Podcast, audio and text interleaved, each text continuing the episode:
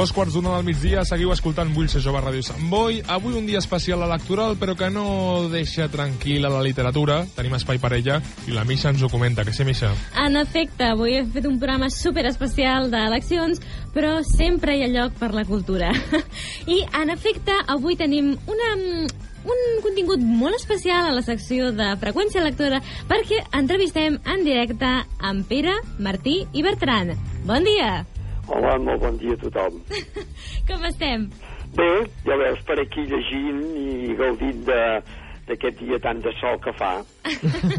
doncs, si et sembla, et presentem una miqueta abans de començar amb l'entrevista.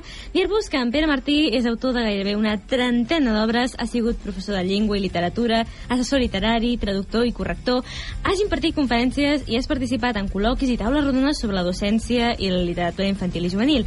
I ha col·laborat i col·labora en diversos mitjans de comunicació i és el coordinador del programa Llegir per Sentir de Ràdio Vilafranca, que el passat mes d'abril va rebre la menció de qualitat als Premis de Ràdio Associació de Catalunya.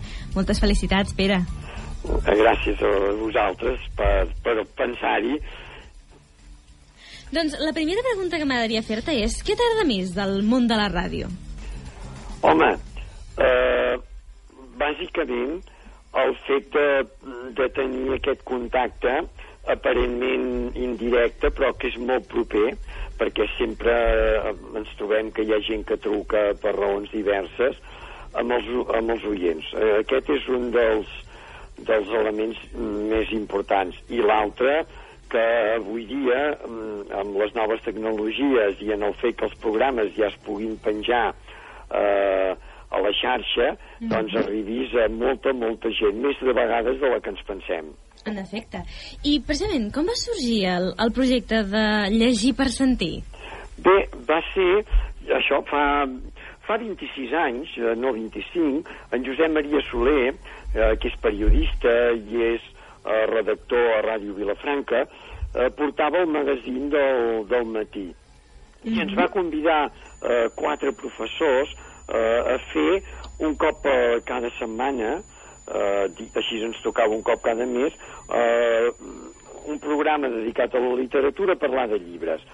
Eh, el primer any ho vam fer, cadascú parlava del llibre que més li agradava, jo solia fer-ho ja de literatura infantil i juvenil, però al cap de l'any la majoria de gent es va cansar i van dir que no podien continuar. Jo li vaig proposar a Josep Maria que féssim un programa setmanal dedicat a la literatura infantil i juvenil i que ho féssim al revés, que ell es llegís el llibre i el, el comentés i que jo em, em comprometia a fer la coordinació, parlar amb els autors, amb les editorials, com que li va semblar que sent de literatura infantil i juvenil, que eren llibres més curtets i tals, ho podria fer cada setmana, va dir provem-ho.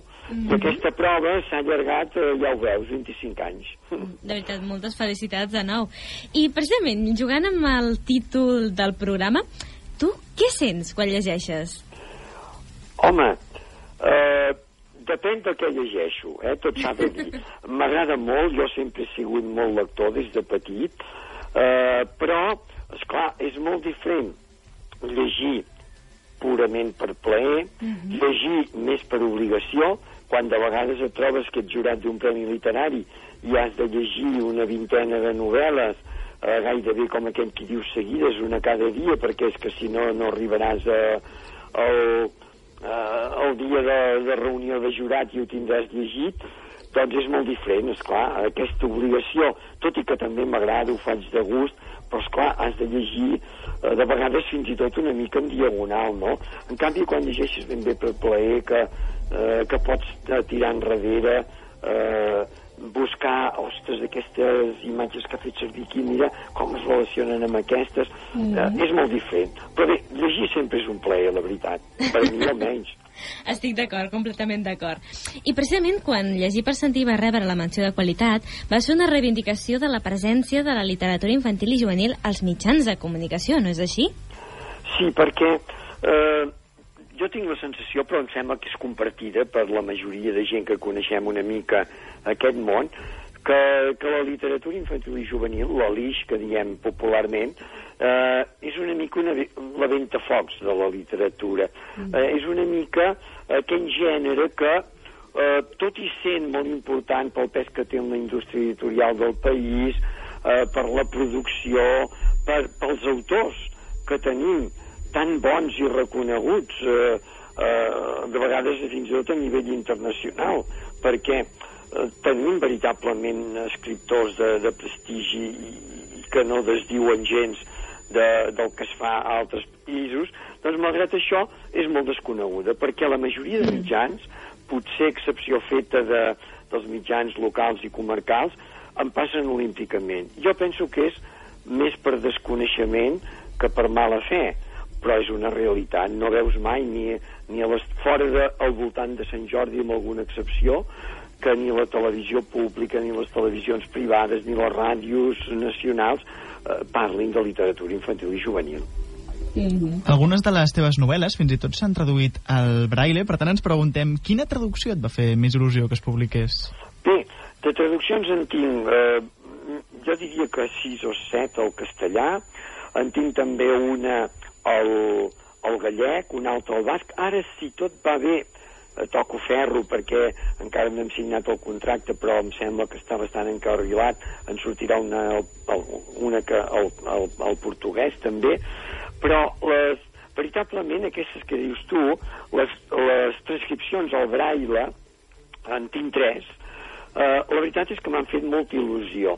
I sobretot una que és la que ha tingut més ressò, més èxit, que és la transcripció de la Tortuga d'en Hans, quan vaig a escoles que han llegit la Tortuga d'en Hans i els explico que els nens i les nenes cegues eh, poden llegir també la Tortuga d'en Hans en braille i els ensenyo eh, el llibre que el porto transcrit al braille, mm -hmm. els fa molta il·lusió, queden molt parats. I a mi també me'n fa molta, perquè eh, que un llibre meu pugui arribar a aquests nens i nenes cecs, encara que siguin pocs, per sort, eh? eh però penso que és tot un privilegi. I tenir-ne tres, en aquest cas ja dic la Tortuga d'en Hans, també hi tinc en Griset, eh, que és la meva primera novel·la que vaig escriure, i encara hi tinc una altra novel·la, La nena que va pintar els cargols, que, per sort, els nens i nenes cigues poden llegir. Jo diria que aquestes és de les que m'han fet més il·lusió, per, perquè són una mica especials.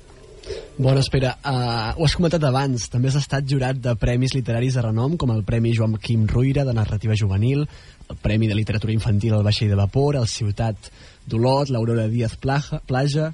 Uh, com ha estat aquesta experiència? I una, I una altra pregunta que també et volia fer, i és que jo vaig llegir quan era petit un llibre uh, que es deia Max, d'Àngel Burgas, que també va rebre el Premi Joaquim Ruïra del 2003. Atenció, no sé si tu eres jurat llavors.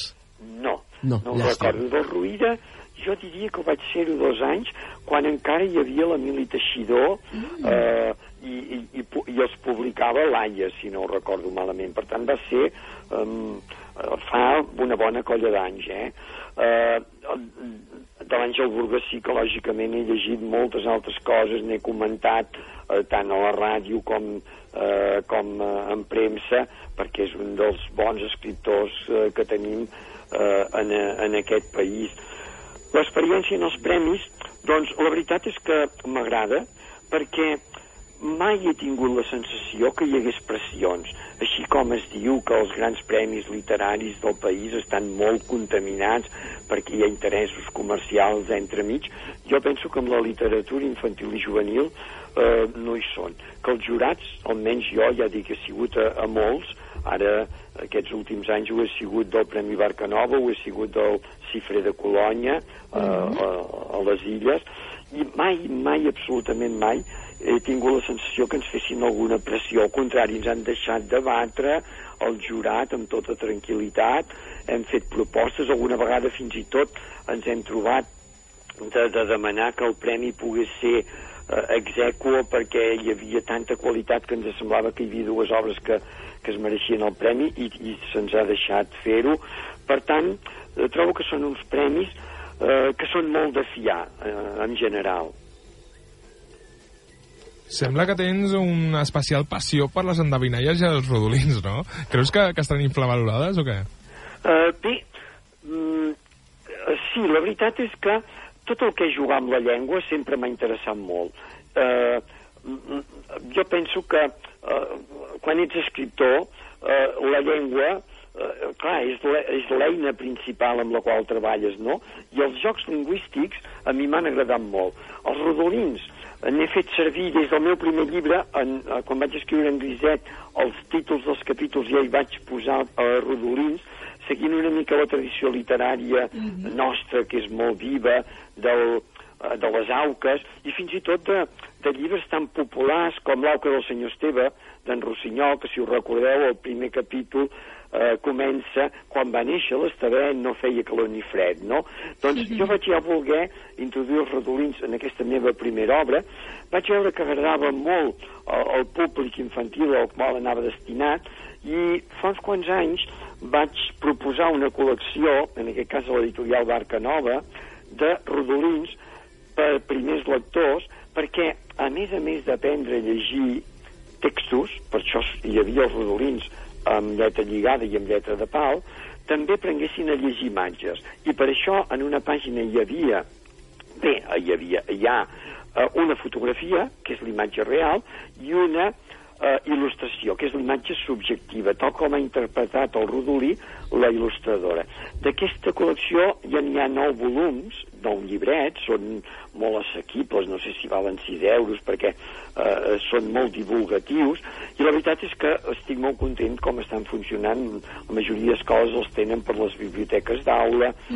Bé, quan, eh, a, a part d'aquests rodolins, vaig escriure també una llegenda de Sant Jordi amb rodolins, Sí, perquè... pre- precisament, precisament volia preguntar-te per això, perquè el 2018 és quan vas publicar El Cavaller Sant Jordi Exacte. i la llegenda d'en Rodolins.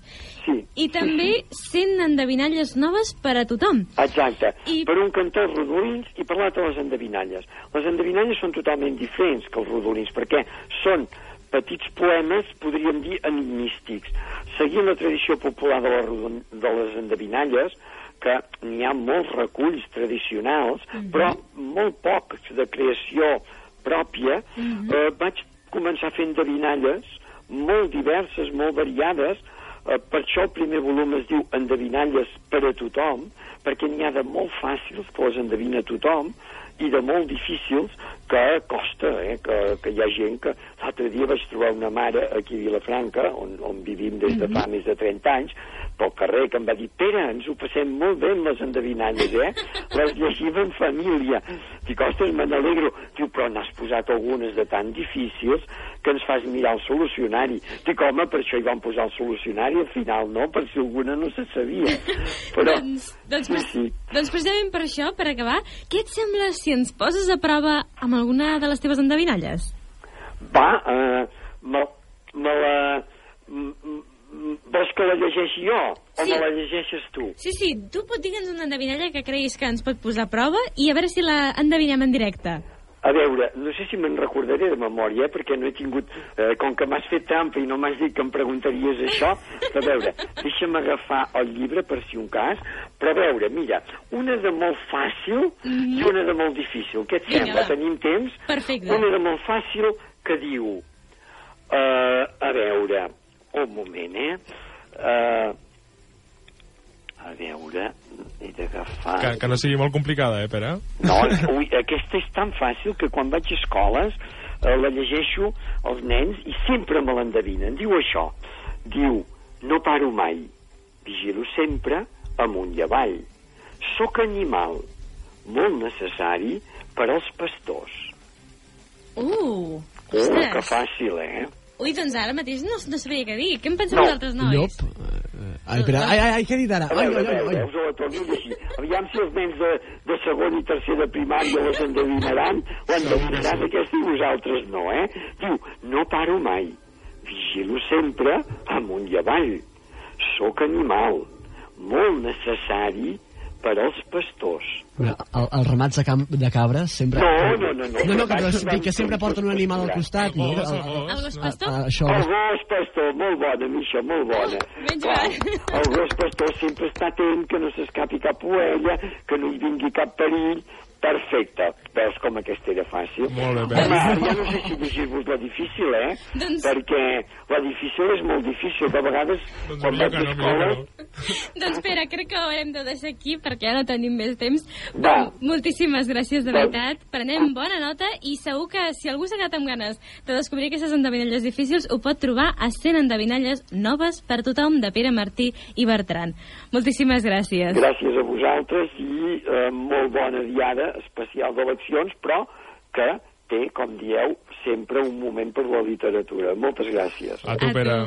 Adéu-siau. Buonasera, signori, la principessa, non capito l'italiano, italiani della sonna e il bambino, Don Patricio e Crustica Funotti, della piazza e della caletta per il mondo intero. Pizza prosciutto, pizza tropicale, banconato, 50 Coca-Cola grande. Spero che disfruten del disco de Patri. Ven, te vacila un poquito, que aunque yo me haga loquito, me encanta y lo sabe. Sona Contando Lunares a Ràdio Sant Boi, al 89.4 s'anima una miqueta amb la música de Don Patricio, que el proper 29 de juny estarà al Share Festival i us ho parlarem tot això a Vull ser jove. A la tornada parlem una miqueta més d'eleccions i us comentem la notícia que us avançàvem abans. Un incendi molt important a Sant Boi.